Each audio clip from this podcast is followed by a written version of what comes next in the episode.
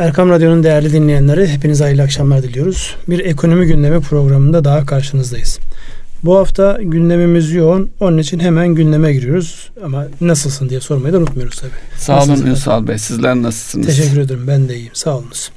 Şimdi bu hafta itibariyle baktığımızda e, yeni ekonomik program açıklandı. Yeni ekonomik programın e, açıklanmasında bizi ilgilendiren başlıklar konusunda bir değerlendirmenizi rica edeceğim. Notlarınızı görüyorum.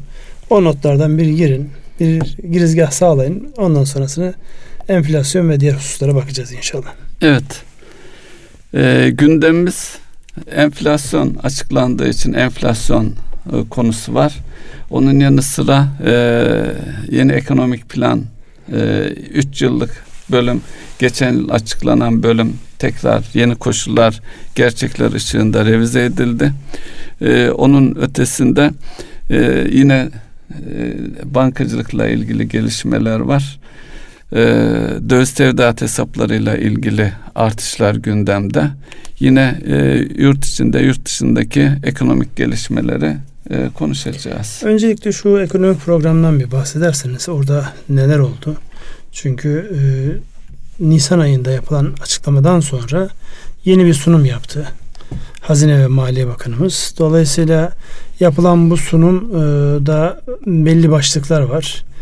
E, piyasalar buna nasıl tepki verdi? Piyasalar bunu ne kadar e, değerlendirdi, önemsedi, üzerine gitti? O konuyu bir ele almak gerekirse sizin dikkatinizi çeken en temel başlık, en ana başlık neydi? Ee, yeni ekonomik planda e, bir kere e, büyüme ile ilgili e, başlıklar var. Ana hatlarıyla önümüzdeki e, dönem için yani 2020, 21, 22 yılları için e, bunu daha önce de Cumhurbaşkanımız açıklamıştı. Her yıl yüzde beşlik bir büyüme öngörülüyor. Bunun yanı sıra cari açığında 5 milyar dolar seviyelerinde tutulması hedefleniyor. Tabii bir taraftan bizim ülke olarak büyüme sağladığımız dönemlerde e, ciddi cari açık verdiğimiz dönemler.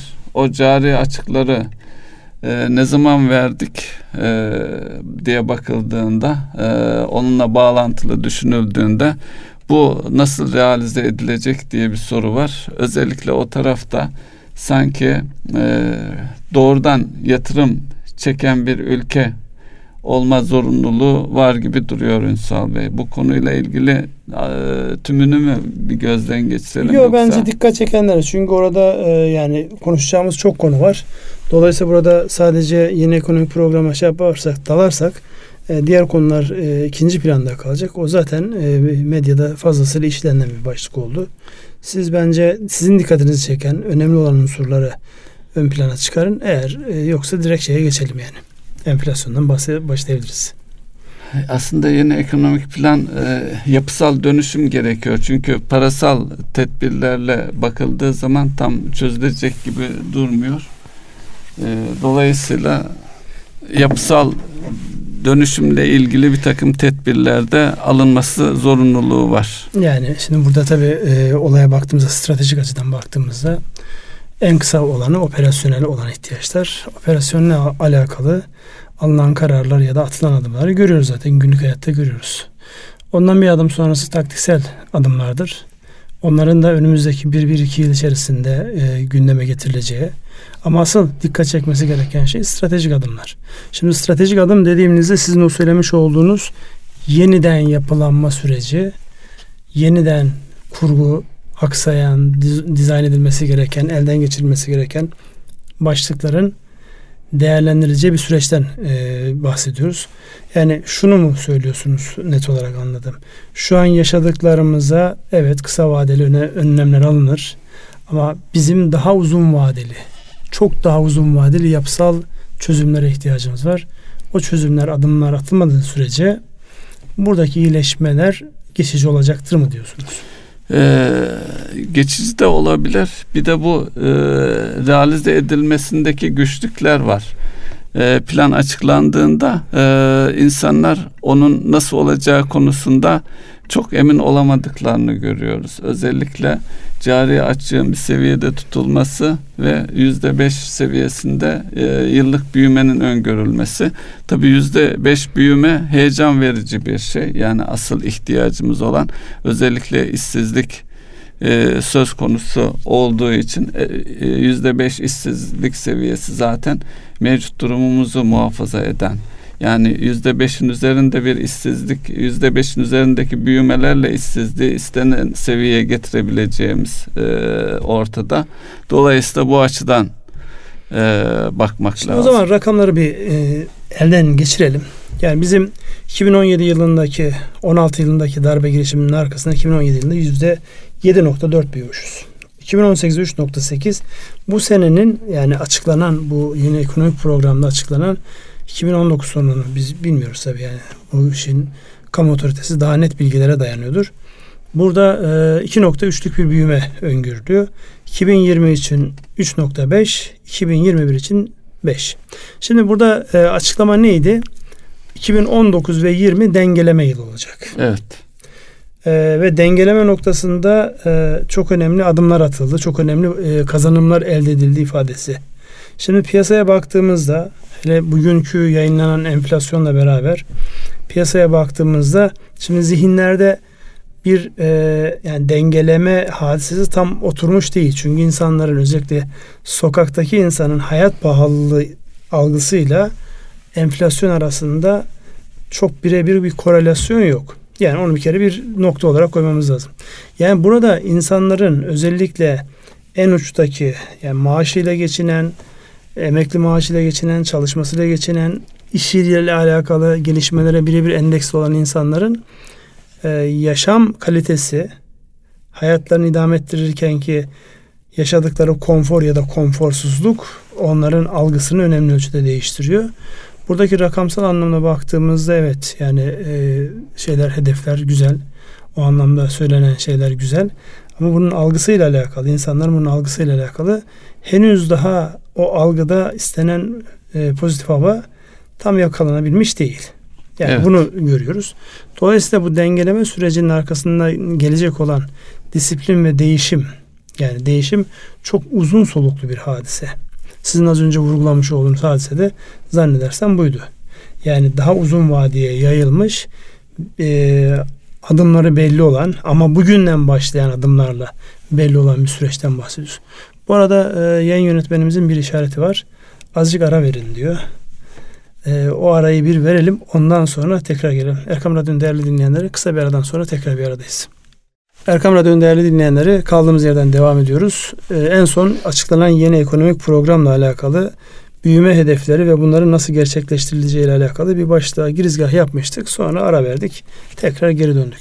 Şimdi burada e, bu e, hedeflenen oranlara baktığımızda yani bizim 2021 yılına sonra özellikle sizin vurgu yapmış olduğunuz o işsizliğin aşağı gelmesini, istihdamın arttırılmasını sağlayacak olan büyüme rakamı yüzde beş.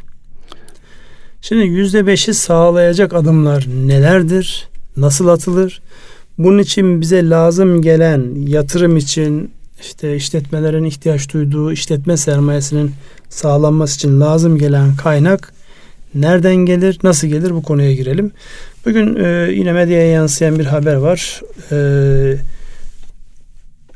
uluslararası e, bu para akışlarıyla alakalı değerlendirme yapan bir kuruluşun yapmış olduğu yorumda bu sene gelişmekte olan ekonomilere yaklaşık 96 yani 100 milyar dolar diyelim.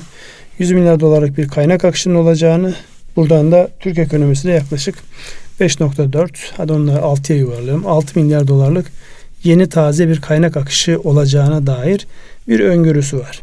Şimdi bu öngörüler enteresandır. E, kaynağı tedarik eden ya da daha doğrusu şöyle diyelim kaynak fazlası olan yapılarla kaynak ihtiyacı olan yapılar arasındaki o geçişleri sağlayan kurumlar genellikle bunlar bankalar. Bunların yapmış olduğu bazı tasnifler var. Yani hep böyle duyarız. Birik, Mint, şimdi de e, Sivets diye bir e, şey uydurulmuş vaziyette. Şimdi onların detayına gireceğim. Kısaltmalar. Bunlar ülkelerin baş harflerini bir araya getiriyorlar. Bir kelime çıkıyor ve ondan sonra sanki bu ülkeler bir aradaymış gibi sürekli yan yana geziyorlarmış gibi de değerlendirmeler yapılıyor. Biz tasnif ettik oldu diyorlar. Biz tasnif ettik oldu. Mesela Türkiye'nin de içine dahil edildiği bu Sivets dedikleri e, yapıda Kolombiya, Endonezya, Vietnam, Mısır, Türkiye ve Güney Afrika var. Hı. Daha önceden hatırlarsanız bir mint vardı. Yani Türkçe'ye çevirdiğiniz zaman nane gibi bir şey oluyor ama yani bir nane olur mu onu bilmiyorum. Ferahlatıcı. İşte, Malezya, Endonezya, Türkiye e, ne vardı orada? Bir de Nijerya vardı. Şimdi niye bunu grupluyorlar? Mesela bu en son e, Sivets'i e, organize eden Fidelity diye büyük bir fon kendince demiş ki ben bu saydığım ülkeleri aynı grupta değerlendireceğim. Ve bunlarla alakalı yatırımlarımı aynı gözle değerlendireceğim. Çünkü bunların dinamikleri birbirlerine benziyor. Yani bu ülkelere baktığımızda hızlı büyüme potansiyeli var. Kaynağa ihtiyaçları var. E, belli yapısal problemleri var. Dolayısıyla bunları ben aynı kefede değerlendiriyorum. Yani e, bir kaynağım varsa bunların arasında ben e, pay edeceğim ve değerlendireceğim. Şimdi dünyanın bizi koymuş olduğu yer burası. Daha önceden e, işte büyümesi konusunda çok ciddi bakılan yani geleceğin işte bunlara işte tiger deniyor işte. Bizde Anadolu aslanları, kaplanları. Kaplanları. Uzak Doğu'nun işte kaplanları, aslanları. Şimdi tigerlar diye tabir ettikleri çevik, çok hızlı hareket eder bunlar. Dolayısıyla olumlu bir havayı yakaladıklarında buradaki değerler çok hızlı artar. E biz de kendi hayatımızda görüyoruz zaten. Geçtiğimiz 20 yıl içerisinde Türkiye'deki e, aktiflerin ne kadar değerlendi. İşte gayrimenkulden bakın, işte borsaya bakın ve diğer unsurlara bakın. Yani Türkiye bu anlamda gerçekten yatırımcılar açısından yani bu söyleneni fazlasıyla karşılamış bir. Ama buradan bir e, olumsuz tarafı var. Kaynak akışı durduğunda otomatik olarak büyüme de duruyor. Çünkü dış kaynağı endeksli bir büyüme yapısı var. Şimdi bizim bu e, bizi koymuş oldukları bu kefeden dışarıya çıkıp yani canlar istedikleri zaman kaynak verdikleri zaman büyüyen ülke, kaynak vermedikleri zaman yerine sayan ülkeden nasıl çıkarız, nasıl elde ederiz bu e, yeteneği? Ona biraz bakmak icap ediyor ama şu anki e, bakış açısında Türkiye işte az önce saydım tekrar isimler sayayım Kolombiya, Endonezya, Vietnam, Mısır ve Güney Afrika ile beraber aynı kefeye konmuş yeni bir isimlendirme ile değerlendiren bir ülke konumunda. Bunlarla beraber anılmak e, hoşunuza gitti Şimdi tabii e, onlar kendileri tasnif ediyorlar ama gelip baktıkları zaman Türkiye'nin de bir takım gerçeklikleri var. Mesela son dönemde siyasi tartışmalara neden olan bu IMF ziyareti sonrasında şöyle bir e, pozitif yansımaları olarak adamlar gelip e, burada görüşmeler yaptıktan sonra Türkiye ile ilgili izlenimleri pozitif yönde ciddi biçimde değişti e, deniyor. Dolayısıyla yurt dışındaki algımızın, imajımızın e, hızlıca iyileştirilmesi için belki daha fazla e, bu fonlarla, yatırımcılarla e, ilişki geliştirilmesi gerekiyor. Bu arada tabii Türkiye'nin kaynak ihtiyacı derken son dönemde bankacılıkla ilgili özellikle bankaların bu yeni dönemde sermaye artışıyla ilgili sermaye benzeri kredi için genel müdürlerini yetkilendiriyor bankalar.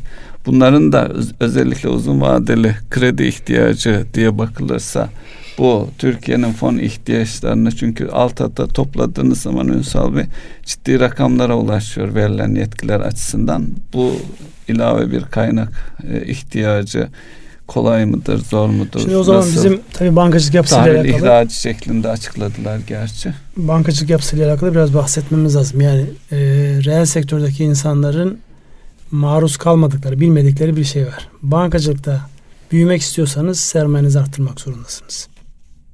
Diyeceksiniz, öyle. Diyeceksiniz özel sektörde de yani işleri büyütmek için işletme, işletme sermayesine ihtiyaç var ama orada yani ortak borç verebilir, başka kaynak olabilir, Bankacılıkta böyle değil. Bankacılıkta sermayenizle yapmış olduğunuz faaliyetlerin özellikle krediler ve diğer aktif kalemler arasında birebir bağlantı var.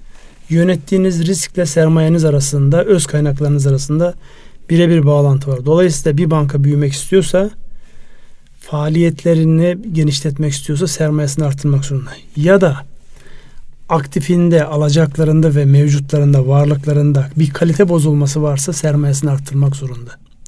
Dolayısıyla bu zorunluluk gereği bankacılık sistemi çok büyük sermayelerle yapılan bir iş. Yani reel sektörde devasa işler yapan, milyar milyar TL'lik işler yapan şirketlerin sermayesine bakıyorsunuz çok komik ve e, küçük rakamlar olabiliyor. Ama bankacılık sisteminde böyle bir şansı yok. Onun için bankacılık sistemine özellikle yüksek karlarından dolayı zaman zaman her taraftan eleştiriler geliyor. Fakat şunu da bir görmek lazım.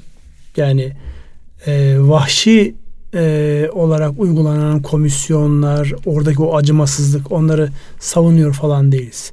Ama şu da bir gerçek. Bankacılık sistemi ne kadar sağlamsa ekonomik yapıda o kadar sağlamlaşır. Kaldı ki bugün yine medyaya yansıyan uluslararası derecelendirme şirketi Fitch'in yapmış olduğu bir açıklama var. 8 büyük banka ile alakalı değerlendirme yapıyor ve 3 kamu bankasını bu değerlendirmenin içerisinde en altta sıralıyor. Niye? Aktif kalitesinin özel bankalara göre 5 büyük özel bankaya göre daha geride olacağı düşüncesiyle. Dolayısıyla bankacılık sistemi sermaye yapısını sürekli güçlendirmek zorunda. Şimdi sermaye yapınızı nasıl güçlendirirsiniz? Kar edersiniz, sermayenizi eklersiniz. Öz kaynaklarınızı içerisinde tutarsınız, dağıtmazsınız. Ortaklardan para toplarsınız. Bir de bu tip böyle büyük e, kuruluşlara, finansal ya da finansal olmayan kuruluşlara sermaye benzeri kredi alma imkanı var uluslararası piyasalardan. İçeride böyle bir kaynak yok yani. Uzun vadeli, 10 yıl vadeli, 15-20 yıl vadeli kimse kimseye kaynak tahsis etmiyor. Dolayısıyla bunun e, tedarik edildiği bir piyasa var. İşte sizin söylemiş olduğunuz o genel müdürlerin yetkilendirilmiş olması bununla alakalı bir hadise. Çünkü bankacılık sistemi ekonominin büyümesi gereği büyümek zorunda. Büyümesi için de öz kaynaklarını arttırmak zorunda. Öz kaynak eğer patronların cebinde yoksa öyle bir para uluslararası piyasalardan mecburen sermaye benzeri kaynak bulunarak elde edilecek bir hadise. Buna bir kısa diye girdim ama uzun bir açıklama yaptım. Buradan gitmemiz lazım. Yani bankaların sermayeleri büyük olmak zorunda zaten. Güzel. Evet. E, tabii bu kaynakları da bulmak zorundalar. Evet. Yani bu kamu işte bankaları için de aynı şey söz konusu. Onlar da e, bir arayışa çıkacaklar. Ya, kamunun şöyle bir avantajı olabilir. Yani netice itibariyle eğer sizin bütçe denkliğiniz içerisinde bir dengeniz varsa ya da bankacılık sistemini ekonominin motoru olarak görüyorsanız üç kamu bankasında bu anlamda önemli bir noktaya oluştur, oturttuysanız yani orada devletin hazinenin gücünü kullanarak buraya bir kaynak transferi yapabilmeniz mümkün. Fakat bu sıralama içerisinde onun nedenli olduğunu hepimiz biliyoruz. Yani Türkiye yani e, zor zamanlarda işte son bir, bir buçuk yıldır baktığımızda piyasaya gerçek anlamda fonlayan da sadece kamu bankalarıydı yani. Gerçek anlamda. Öncülük fonlayan. etti. Öncülük iyi de etti. etti. E, çok iyi etti tabii ki. Evet. Yani birilerinin tetiklemesi gerekiyor. Şimdi özel sektörün şöyle bir şey hem mevzuattan gelen sorumluluk kısmı vardı hem de yani netice itibariyle patron oraya koymuş olduğu insanların para kazandırmasını ister. Sosyal sorumluluk daha arka plandadır. Ama kamu bankalarının hem ekonomiyi dinamize edecekler, sosyal sorumluluğu var.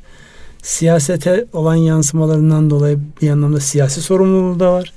Dolayısıyla onların öncülük etmesi gerekiyordu. Onlar da yaptılar zaten. Ama işte Uluslararası Değerlendirme Kuruluşu bu anlamda kamu bankalarını 8 büyük banka içerisinde maalesef geriye bırakmış vaziyette. Buyurun. Ee, bu işsizliğe de istihdama da değinebiliriz. 2020-21-22'de 11,8'den 10.6 ve 9.8'e e, gerilemesi yani büyüme bekleniyor. olursa büyüme olursa o gerileme olabilir. Yani dinamik bir ekonomi. Ama tamam yani bütün espri işte büyümeyi sağlayacak altyapı evet. ve dinamikler var mı yok mu sorusunun cevabına bakmamız icap edecek. Ee, yine planda e, finansal istikrarla ilgili dolarizasyonun azaltılması konusu var. Buradan şu anki DTH'lara geçelim mi Ünsal? Ya geçelim. Yani temenni dilek ve temenniler kısmında kalıyor. Yani dolarizasyonu azaltmak hadisesi yani bu kadar ama konu, önemli bir konu şu an bankacılık önemli. için de önemli. Bankacılık için zaten yani giderek e, ne derler çözümsüzlüğe doğru gidiyor. Kaynak evet. yabancı para kullandırma zorunluluğu Türk lirası. Yani bu bir yerde vuracak kendini. Evet, swap maliyeti zaten ciddi bir marj oluşturuyor. Ona da imkan da çok fazla yok. Yani o anlamda evet. en azından marjlar kapatılmış. Buyurun. Ee, yani buradaki... DTH ile ilgili yine bilgi vermekte yarar var. Çünkü artmaya devam ediyor. Bu hafta da 1 milyar e, seviyesinde arttı ve 193.7 milyar dolarlık bir rakamla yeni bir rekor olarak geldi önümüze. Evet yeni bir e, şey önümüze geldi. Bu arada ben bir küçük düzeltme yapayım. Az önce Mint'ten bahsederken Malezya demişim. Notlarıma bakınca gözüme takıldı. Düzeltmezsem onu rahat edemeyeceğim. Malezya değil Meksika. Meksika. Meksika. M harfi Meksika ifade ediyor. Ee, evet yani dövizle e, kaynak açısından baktığımızda içerideki e, güzel ve gerçek kişiler kaynaklarını döviz olarak tasarruf etmeye devam ediyorlar e, mevduatın getirisi düştüğü için diye yorum yapılıyor. Ne yani kadar? yorumlar o yönde fakat bu yani mevduatın getirisi düşmeden önce de bu, bu yönde biliyorsunuz çok ciddi vardı, bir evet. talep vardı. Bir de mevduatın getirisinin aşağı gelmiş olması bunu destekledi yani ona öyle evet. bakmak lazım. Yoksa tek gerekçeyi oraya dayandırırsak doğru bir analiz olmaz. E zaten insanların döviz e, üzerinden tasarruf etme konusu yani neredeyse e, bir yıldan fazla bir zamandır çok net bir şekilde kendini gösteriyor. Yani döviz Türk lirası dengesine baktığımızda döviz lehine bozulmuş vaziyette bu denge. Ve o her geçen haftada sizin ifadenizde rekorlar kırılarak devam ediyor. Devam ediyor. Şimdi bu rekorların kırılmasını engelleyecek olan nedir? Yerli paraya olan güvendir. Evet. Yerli paraya güven ne sağlar? Ee, yerli paraya güven ol mesela şu anki problemlerden bir tanesi kredilerin açılması sorunu. Tabii döviz kredilerinde de e, kullandırımda sınırlamalar var. Geçen yıl gündeme gelen her firma döviz kredisi kullanamıyor. Bir de geçen yıl Ağustos ayında yaşanan döviz hareketi nedeniyle firmalar da istekli değil artık herkes e, ayranı üfleyerek içiyor. Ama yatırım ihtiyacı olarak bakıldığında da mesela şu anki e, finansal maliyetler cari işlemleri yani ticari e, işletme kredilerini e, karşılayacak oranlarda ve seviyelerde bir adım ötesinde yatırım yapmaya söz konusu olduğunda yine döviz dışında bir e, para cinsiyle yatırım yapmak mümkün gözükmüyor. Ee, yani ona zaten şu an imkan yok. Yani finansal kuruluşlar bu anlamda öyle bir destek veremiyorlar. Fakat piyasanın alışkanlığı hala e, en azından işletmeler kendi aralarında bazı değerlendirmeler yaparken hala döviz üzerinden işlem yapıldı. Hala birbirlerine döviz üzerinden borç Bu devam ediyor. O devam Özellikle ediyor. ithale dayalı ürünlerde. Yani birçok yani şimdi o tabii orada e, eğer ticareten birbirleriyle bağlantısı varsa ithale mi dayanıyor başka bir şey mi dayanıyor bilmiyorum ama insanların genel anlamda birbirleriyle aldıkları verdikleri arasındaki hep bu döviz üzerinden o denge bütün e, ihtişamıyla devam ediyor. Her ne kadar bankacılık sisteminden böyle bir kaynak elde edemeseler dahi e, görünen hadise şu.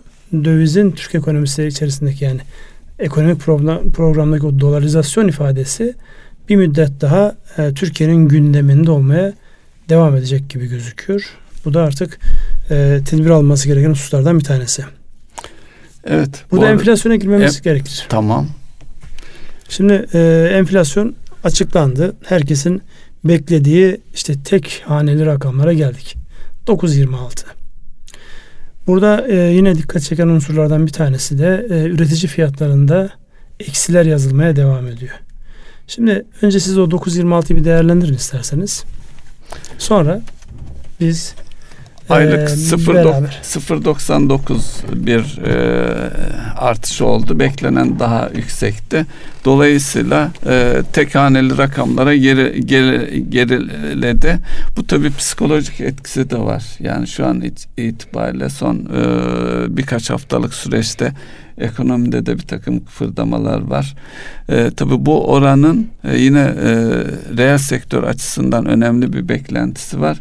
Finansman maliyetlerinin aşağı çekileceği yönünde. Hatta buradan hareketle Ünsal Bey Merkez Bankası'nın e, bu ayın sonunda yapacağı e, toplantıda ne kadar bir faiz indirimine gireceği şimdiden tartışılmaya başlandı. 150 baz puanla 350 baz puan arasında e, bir şey konuşuluyor, rakam konuşuluyor. E, tabii bu mevduat e, enflasyonun gerilemesindeki en önemli paylardan bir tanesi de gıda fiyatlarındaki gerileme belirleyici oldu. İşte yaz hasat dönemi her ne kadar sonbahara geldiysek de her şeyin bollaştığı bir dönemde onun bir yansıması olarak e, dikkate alabiliriz herhalde. Yıl sonu sizin enflasyonu kapama tahmininiz ne? E, şimdi e, planda herkes, 12 deniyor. Herkes tahminlerde bulunuyor. Yani, Sizinki ne? E, herhalde 12 olur. 12 olur diyorsun. Devletler öyle dediyse evet. öyle olur diyorsunuz. tamam. 12 olduğu bir ortamda politika faiz oranı kaç olmalı ki sizin ülkenize kaynak girmeye devam etsin? İşte makul reel faiz tanımı var. Hmm. Şu ana kadar e, ciddi 7,5 750 baz puanlık iki ayda toplamda bir indirim oldu. Böyle bir hedef var ama o makul reel faiz noktasına geldik mi ona ilişkin bir işaret e, verilecektir bu e, dönemde diye düşünüyorum. Yani, yani bunun üzerinde olacaktır. Bunların tabi izlendiği ekonomik göstergeler var. Haftalık e, yabancıların devlet iş borçlanma senetlerine olan ilgisi, hisse senetlerine olan ilgisine baktığımızda geçen hafta itibariyle çok fazla bir rakam değil. Yani 100 milyon doların biraz üzerinde bir yabancı giriş olmuş devlet iç borçlanma senetlerine. Yani sizin e, şöyle bir şey yaşamıyor Türkiye. E, hızlı faizler düşecek aman bu oranlar çok makul buradan devlete borç verelim e, tahvil alalım, iç borçlanma senedi alalım diye kimse sıraya falan girmiş değil. Dolayısıyla buradaki piyasanın beklentisi itibariyle baktığımızda yani e, çok büyük bir oranda Merkez Bankası indirim yapar ise bu özellikle döviz tarafında farklı bir e, dengeyi tasarrufunu döviz üzerinde tutan insanları haklı kılacak bir dengeye sebep olabilir. Şimdi baktığımızda mesela söylediğiniz çok kritik bir konu. E tabii yani cari dengeye baktığımızda cari dengede fazla veriyoruz. Ama dış ticaret dengesinde biz hala açık vermeye devam ediyoruz. Şimdi burada yani turizmin o etkisi başka etkileri yan yana koyduğumuzda evet yani biz cari dengede artıdayız. Ama şu an yatırım malları başta olmak üzere önemli ölçüde frene basıldığı için. Ya önce insanların zihinlerinde evet ya artık biz o meşhur geçen hafta da dedik ya genel bir dip, genel bir tavan yoktur. Her sektörün, her işletmenin kendi gerçekler içerisinde dip tavan vardır. Dolayısıyla buradan değerlendirdiğimizde yani önümüzdeki dönemde bu dengenin ne tarafa doğru gideceğini hep beraber göreceğiz. Dış ticaret dengemiz eksi de cari dengemiz artıda. Artı bizim büyümeye ihtiyacımız var. Yani cari dengeyi eksiye çevirecek şeylerdir bunlar. Çünkü yani nedir o cari denge? Sizin bütün mal ve hizmet üretimlerinizin aldığınızla verdiğiniz arasındaki dengede arada bir açık varsa bunun finansmanıyla alakalı. Fazla verdiğiniz zaman siz e, finansmana ihtiyaç duymuyorsunuz. Zaten böyle bir açığınız yok demektir. Fakat öbür taraftan da kaynak açığımız var. Yatırıma ihtiyacımız var.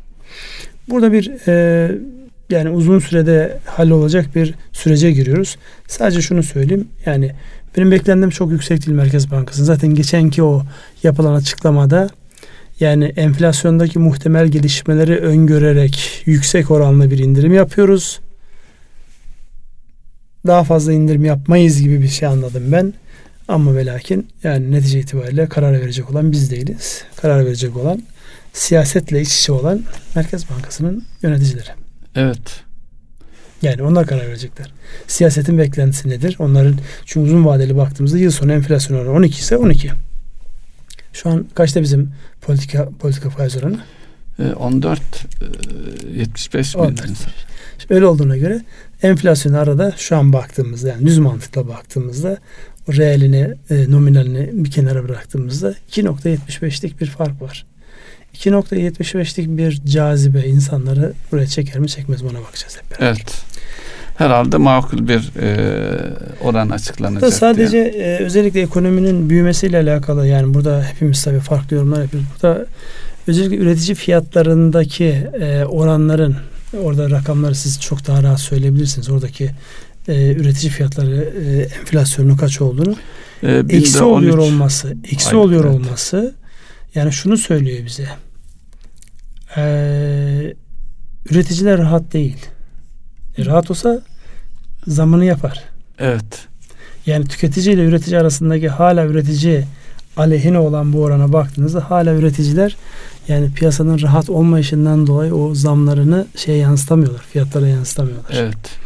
Hala e, bu da ekonomideki o e, alınması gereken tedbirler anlamında farklı bir mesaj veriyor bize. Burada Ünsal Bey şey de mesela e, konutla ilgili konut ve otomobille ilgili bankalar Evet, orada ciddi bir şey var. çektiler. Özellikle konuttaki e, konut üreticilerinin gayrimenkul geliştirme firmalarının açıklamaları da e, şu an e, konut fiyatlarının yani maliyetlerinin ciddi biçimde e, eskiye göre arttığını, e, konut fiyatlarının o seviyede artmadığını, yeni konut yaparken bu maliyetleri yapamayacağız diye yakındıkları da vaki.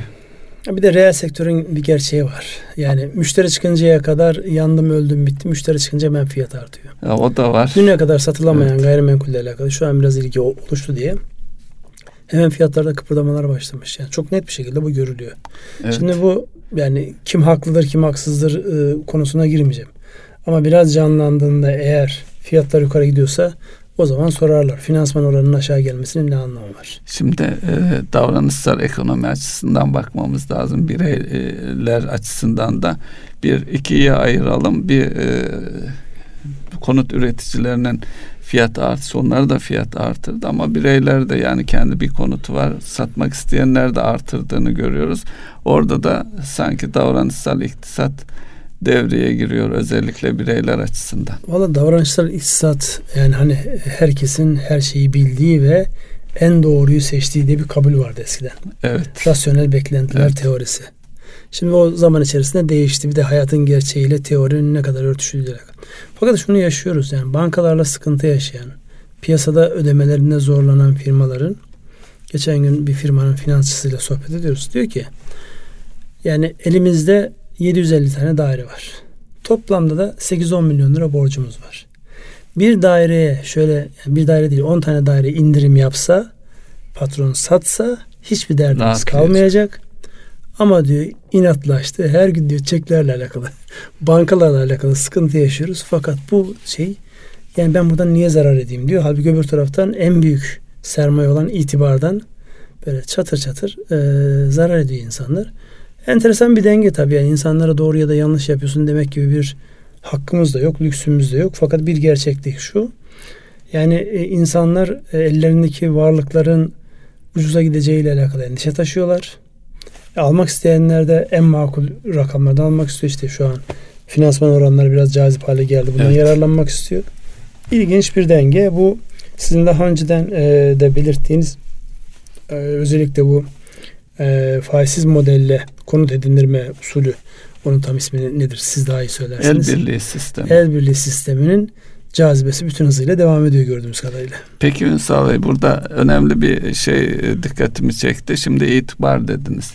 Bu itibar maliyeti ölçülebiliyor bir gösterge haline getirilse yani e, özellikle e, iş adamlarının bunu veya şirketlerin itibarıyla ilgili bir gösterge olsa e, işe yarar mı?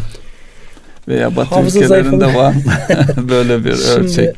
İtibar maliyeti mi denir veya itibar e, ölçeği mi denir? Gerçi bankalarda e, bankacılık dönemimizi hatırlarsanız bunu firmanın moralitesi nedir diye bir ölçekle ifade ediyor idik. Hatta son e, yıllarda Türkiye'de de mesela kredi kayıt bürosunun bireylerle ilgili bir e, e, puanı var, e, şeyi var. Hatta e, önümüzdeki yıl içinde Haziran ayından itibaren de ticari e, firmaların e, puanlarını da açıklıyor olacaklar. Aşağı yukarı 2-3 yıldır e, bilgi depoluyor ve işliyorlar.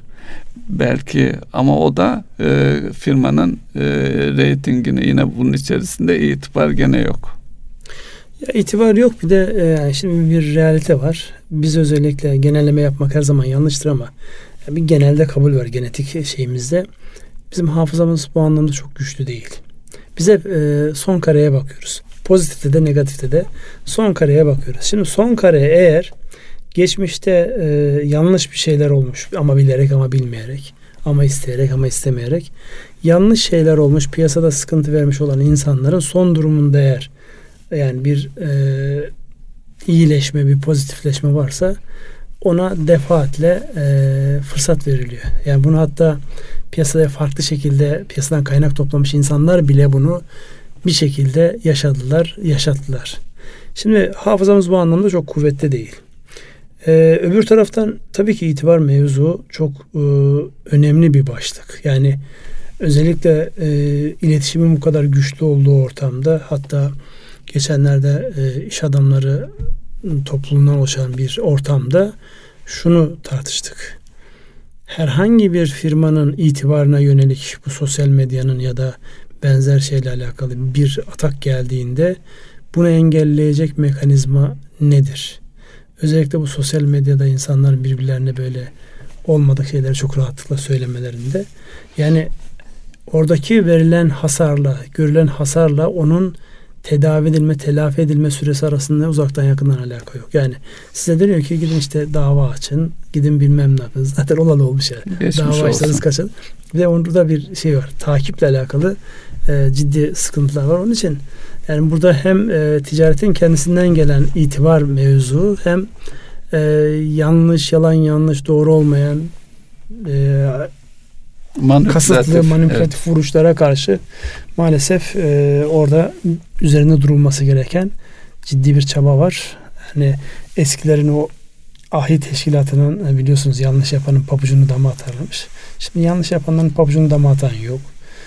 Doğru yapanlara ödül veren yok. Yok yok yok işte böyle devam edip gidiyor. Evet. Burada e, dikkat çeken e, hususlardan bir tanesi özellikle ticaretin hızla değişen şekliyle alakalı. Yani e, biz e, yapı olarak gerçi toplum olarak o anlamda yani emsallerine göre daha dinamiyiz. İnternet üzerinden yapılan alışveriş noktasında çok hızlı bir gelişme var. Yani o platformlar inanılmaz e, hareketlenmeye başladı. Hatta e, program öncesinde sizinle konuştuğumuz bu paya dayalı kitle fonlaması diye bir kavram daha önceden kanun çıkarılmıştı ama onunla alakalı sermaye piyasası kurulunun yapmış olduğu düzenleme hafta içerisinde yayınlandı. Orada da tahmin ediyorum ki bu internet üzerinden yapılacak ticaretin teşviği ile alakalı bir yapı. Biraz ondan bahseder misiniz ana hatlarıyla? Ana hatlarıyla şöyle e, platform şirketleri kurulacak bu işleri organize eden e, şirketler. Bu şirketler e, yeni teknoloji olmak zorunda belirli sektörlerde. O teknolojide bu yeni kurulan şirketlere e, maliyetsiz kaynak temin etme çünkü e, kredi alsalar bir bedel olacak. Maliyetsiz kaynak temin etme adına ortaklık şeklinde ve e, her birey için maksimum yatırım limiti belirlenmiş durumda 20 bin lira. E, özel e, olarak kendi gelirinin yüksek olduğunu kanıtlayanlar için 100 bin liraya kadar da artılabilecek bir e, şey, e, limit var. Buradaki amaç şu, e, daha önce çiftlik bank gibi yaşanan olumsuzluklar var. Onlara meydan vermeyecek şekilde tanımlanmış SPK'nın e, kontrolünde ve onay verdiği, akredite ettiği bir yapı olacak. Bu şirketler e, değerlendirme yapacaklar. Burada da profesyonel komiteler öngörülmüş. Üç kişilik bir komite. E, eğer yatırıma değer buluyorsa bir kampanyayla duyuruyor olacak ve o kampanya çerçevesinde ihtiyaç duyulan fon toplanacak ve o yatırım için e, başvuran e, yeni şirkete aktarılacak. Sistem bunun üzerine. Dolayısıyla bu e, sanki melek yatırımcılığın kurumsal hale getirilmesi gibi bir e, şey yapı var. E, tabii yönetmelik yeni çıktı. Bu işe kimler girecek e, o belirleyici olacak.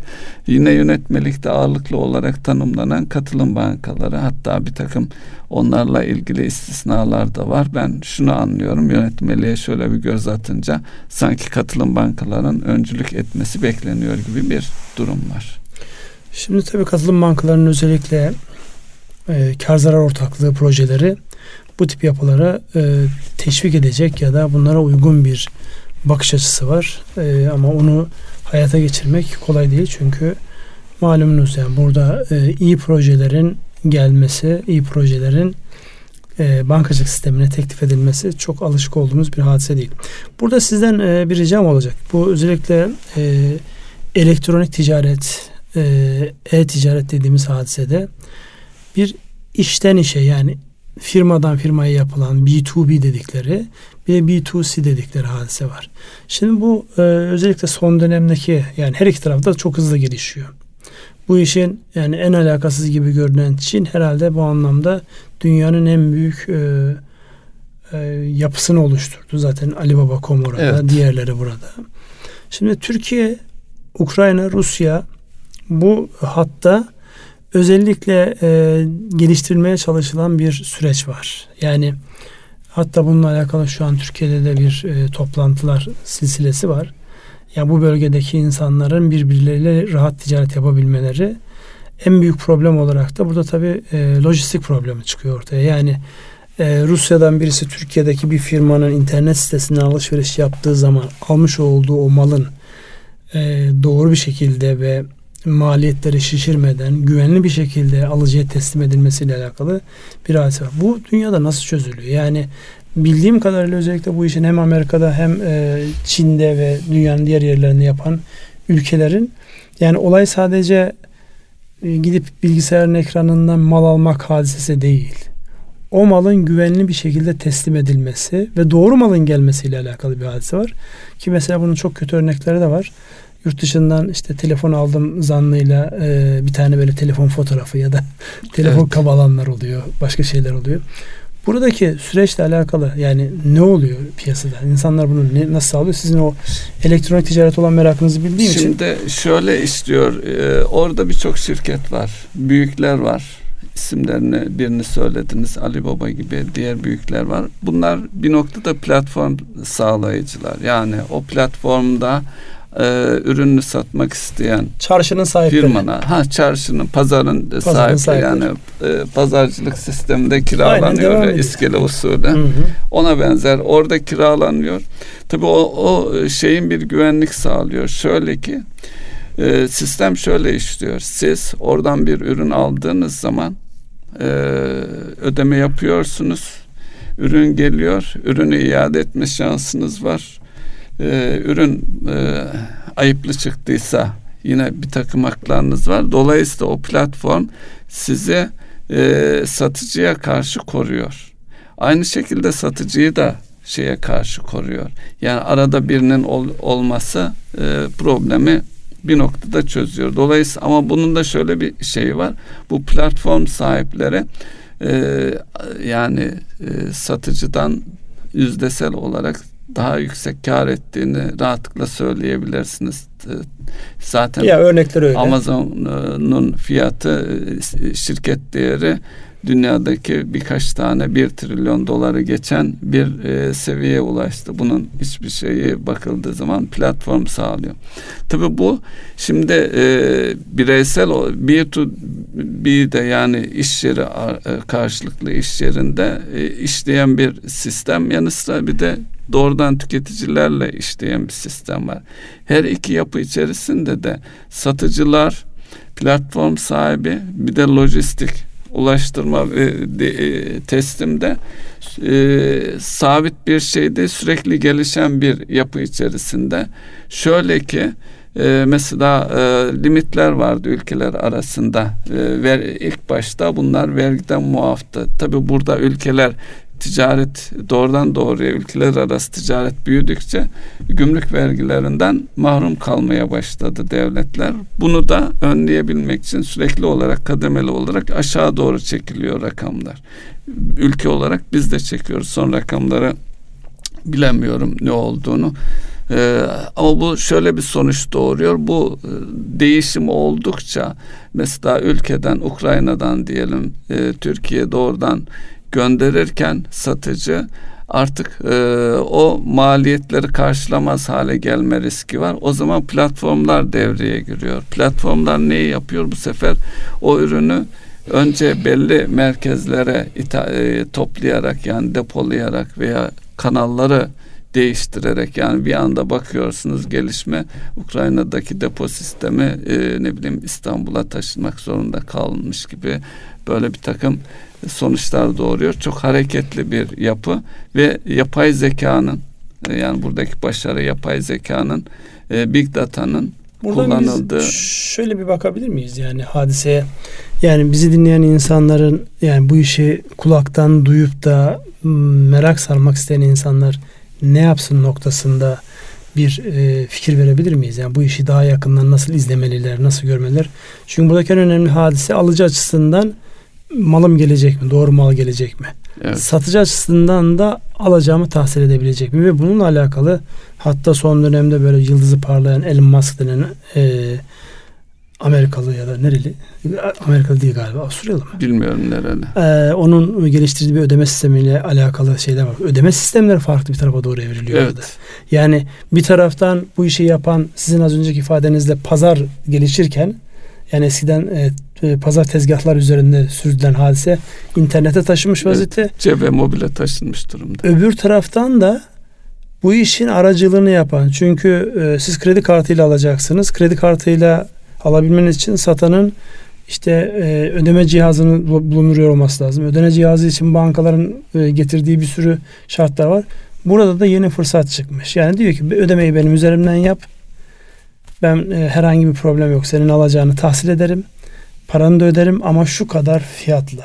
Yani bu enteresan. Komisyon ödeyerek. Ciddi komisyon ödeyerek. Ödeme tarafında da yani bir satıcı ödemeyle ilgili tabii ağırlıklı olarak kredi kartıyla ödeme yapılacağı için onlarca banka e, ile anlaşma yapmak yerine ödemeye aracılık eden bir firmayı araya sokarak o tüm bankalarla anlaşma. ondan biraz bahsetmenizi istiyorum. Yani insanların gözü korkuyor olabilir. Yani bankacı bankasıyla konuşup sadece bizden yani bütün bankalar anlaşma yapmanı deyince gözünden büyütüp olayı kapatmış olabilir. Yani internet üzerinden yani bu otantik bir şey de olabilir. Yani Her şey yöresel şey bir şey de olabilir. Bunu satarken ödeme ile alakalı bankaya mecburiyet var mı yoksa başka bir sistem var mı? Sağ Bey, şunu da söyleyeyim. Ee, mesela ev hanımlarının yaptığı bir şey. Almış mesela e, tabii e, indirimde şuydu buydu çanta, ayakkabı, şu bu. Herkesin evinde vardır. Alınmış hiç kullanılmamış. Bir markaya sahip onu satabiliyor. Hatta ikinci el de satabiliyor. Tek bir ürünü bir ev hanımı satabiliyor. Koyuyor internete. Tahsilatı nasıl yapıyor? E, tahsilatı zaten e, sat, bir alıcı var. Sattıktan sonra onu göndermesi gerekiyor. Gönderip karşı taraf evet aldım diyene kadar e, parası e, bu platform aracı, muhafaza ediyor. Karşı tarafta tamam aldım dediği zaman e, şey e, parası geliyor. Hatta sistem o kadar teşvik edici yapay zeka kullanıldığı için o hale gelmiş ki eğer satıyorsanız sizden alırken bir puanınız var. İnsanlar ona bakıyor. Aa, bunun puanı A yüksekmiş. Bu demek ki gönderdiği üründe problem yok. E, dürüst, itibarlı gibi zaman içerisinde de herkesin bir puanı oluşuyor. Aynı şekilde e, daha önce de otel sistemlerinde de var benzer şey. Dolayısıyla o puanı artırabilmek için insanlar var gücüyle e, neyse yani e, hani derler ya dürüstlük en büyük hiledir e, derler. Dolayısıyla sistemde herkesi dürüst kılmaya çalışıyor.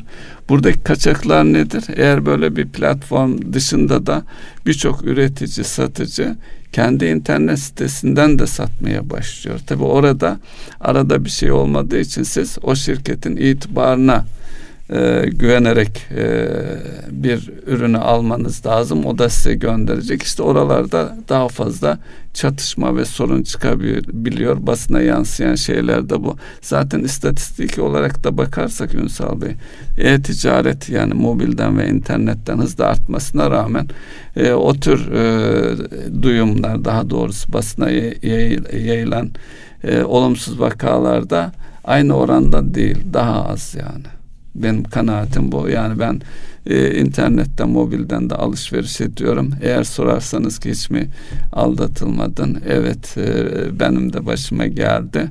Ürün aldığım bir yerden ikinci ürünü alınca gelmedi.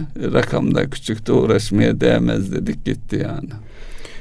Yani bir dakika şimdi siz teşvik edici bir şey mi söylediniz yoksa? E... Şu var e, aldığınız yer güven e, oluşturma yani platformdan ciddi komisyon alıyor ama yani onun karşılığında da verdiği bir Ama bu sizin söylemiş var. olduğunuz platformlarda mahkum edici bir sonucu çıkarıyor. Yani burada kendi e, sistemini kurup kendi ürününü kimseye yüksek komisyon ödemeden sadece aracılık yani o ödemeye aracılık edene komisyon ödeyerek iş yapmak isteyenlerin önünü kesmek gibi olmuyor mu bu? Ee, organize olmayı gerektiriyor artık her şey Ünsal Bey. Güç bir çünkü bu ya da o güveni telkin edecek. E, yani yapay zeka büyük e, sistemler, yazılımlar onlar ucuz şeyler değil netice. Onların da bedeli var. Yani şöyle bir fırsat var. Küçük yani bir ev kadını da bir ürünü satabiliyor. Bir üretici de artık e, pazarına yani bir pazar yeri fırsatı var. Yani dünya pazarına çıkma fırsatı var. Ee, mesela yine ev kadınlar dedik bir e, onların ürettiği e, elleriyle ürettiği sanat eserleri var. Danteller vesaireler onları bile satabilirler dünyanın herhangi bir yerine ve istedikleri fiyattan hele sanat olduğu zaman fiyatın ucu açık biliyorsunuz. Ben onu şeyde görmüştüm. E, Ege sahillerinde zeytinyağı, işte sabun ve benzeri konularda evlerde üretilen daha böyle e, orijinal olan yani otantik diyebileceğimiz ürünlerin e, dünyanın dört bir tarafından özellikle gelişmiş batılı ülkeler tarafından işte Kanada'ydı, Amerika'ydı, İngiltere ve diğer ülkelerden doğrudan kendi sitelerinden satış yapıyorlar. Ya sorduğumda tahsilatınızda ya da e, ürün e, transferinde bir problem var mı? Hiçbir problem yaşamıyoruz. Gün geçtikçe de işlerimiz büyüyor şeklinde bir bakış açısı var. Bunlar tabii yeni e, bakış açıları. Yani e, evet bizim girişimcilik açısından, yatırım açısından kaynağa ihtiyacımız var. Fakat elimizdeki değerleri de daha az maliyetli kanallar üzerinden paraya çevirebilme, dünyaya satabilme şansımız var. Tek problem burada her zaman karşımıza gelen sürdürülebilirlik.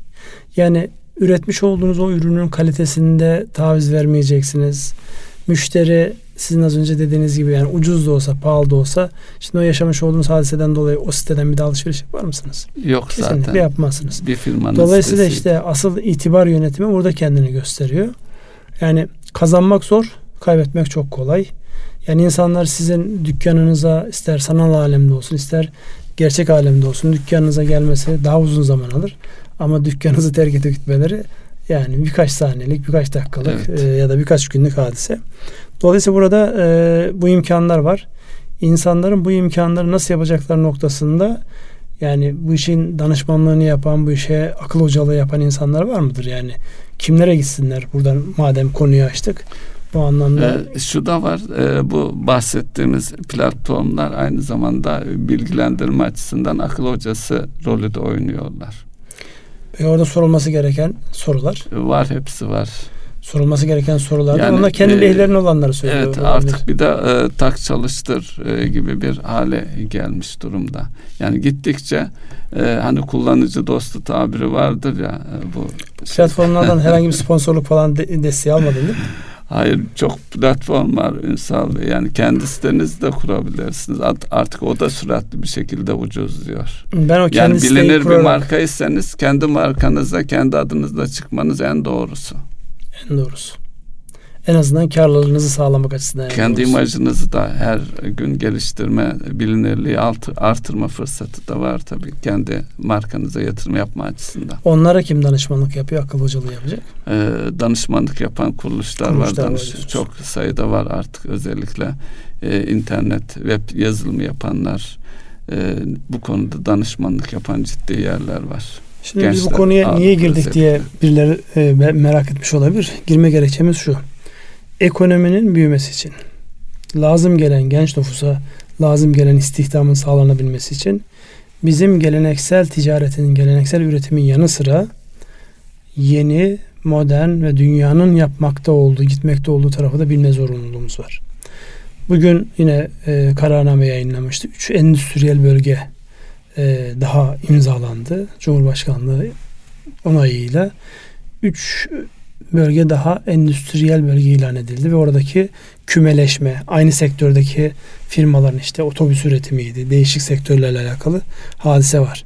Bir de bunun satılma hadisesi var. Yani her zaman devasa organizasyonlar kurmanız gerekmiyor. Daha küçük organizasyonlarla satış pazarlamanızı teknolojinin size sağlamış olduğu imkanlarla yapabilme şansı var. Bunlar için de biraz ilgiyi, biraz böyle zihni sadece kripto paralara ve benzeri kolay yollara değil, bu yollara da merak sararak insanların kendi ticaretlerini geliştirmeleri toplamında da ülke ekonomisinin, üretim ve ticaretinin ekonomik büyümesinin gelişmesi sağlamak mümkün olacaktır diye bu konuya girdik. Yoksa bizim evet. yani elektronik ticarete aman girin e, kaçıyor falan değil yani. Evet burada bir fırsat var. Bir kanal fırsatı var burada. Elinizdeki ürünleri bu yeni kanal üzerinden dünyanın dört tarafına satabilme şansınız var. Ünsal Bey gençler gidip mağazalarda beğeniyor, deniyor. Sonra da çıkıp mağazadan alışveriş etmeden internetten e, belli bir eşik, eşik var yüzde on, on beş, yirmi daha ucuza e, alıyor. E, evine de geliyor. Şeyler de markalar da bunun farkında. Markalar da bunu böyle List yapıyor. Artık onlar da yani kabul Gel lokasyonda gör. Hı. Git internetten al. Lokasyondakinin stok maliyeti, dükkan kira maliyeti, bir sürü maliyetten kurtararak stokta e, sanal ortamdan satmış olmak onun da aleyhine. Dolayısıyla burada da aslında böyle çözüm ortaklarıyla yaklaşmak belki icap edecek. Malın sergilendiği çözüm ortağı gitsin orada görsün gelsin internetten sipariş versin. Bu da bir yöntemdir. Bu da insanlara tavsiye edilecek bir kanal olarak kendini gösterir. Yeter ki kafayı e, iş yapmak üzerine, çözüm üretmek üzerine kurgulansın. Yani Allah'ın izniyle her konuda muhakkak bir çözüm Bu dönemde gelecektir. tam da iş yapmak zorunda olduğumuz bir dönemdeyiz artık evet. yani. Yani ülke olarak ülke, iş yapmak ülke zorundayız. Olarak, evet. Dolayısıyla yeni bakış açılarıyla yeni imkanlara ama ağır ve e, telafisi mümkün olmayan bedeller ödeyerek değil yani denenmiş özellikle burada işbirlikleri çok ön plana çıkıyor. Yani birlikte çözüm üretmek, birlikte hareket etmek, ilkeli bir şekilde birliktelikler geliştirmek o anlamda herkesin lehine olacaktır. Biz evet yani yine işaretimizi aldık. Programımızı tamamlıyoruz. Ee, Erkam Radyo'nun değerli dinleyenleri bir ekonomi gündemi programının daha sonuna geldik. Ee, sürçülisan eylediysek affola. Meramımız bildiğimiz, gördüğümüz şeyleri dilimizin döndüğünce sizlere aktarabilmek, faydalı şeyler söyleyebilmek. Hayırlı akşamlar diliyoruz. Hayırlı akşamlar.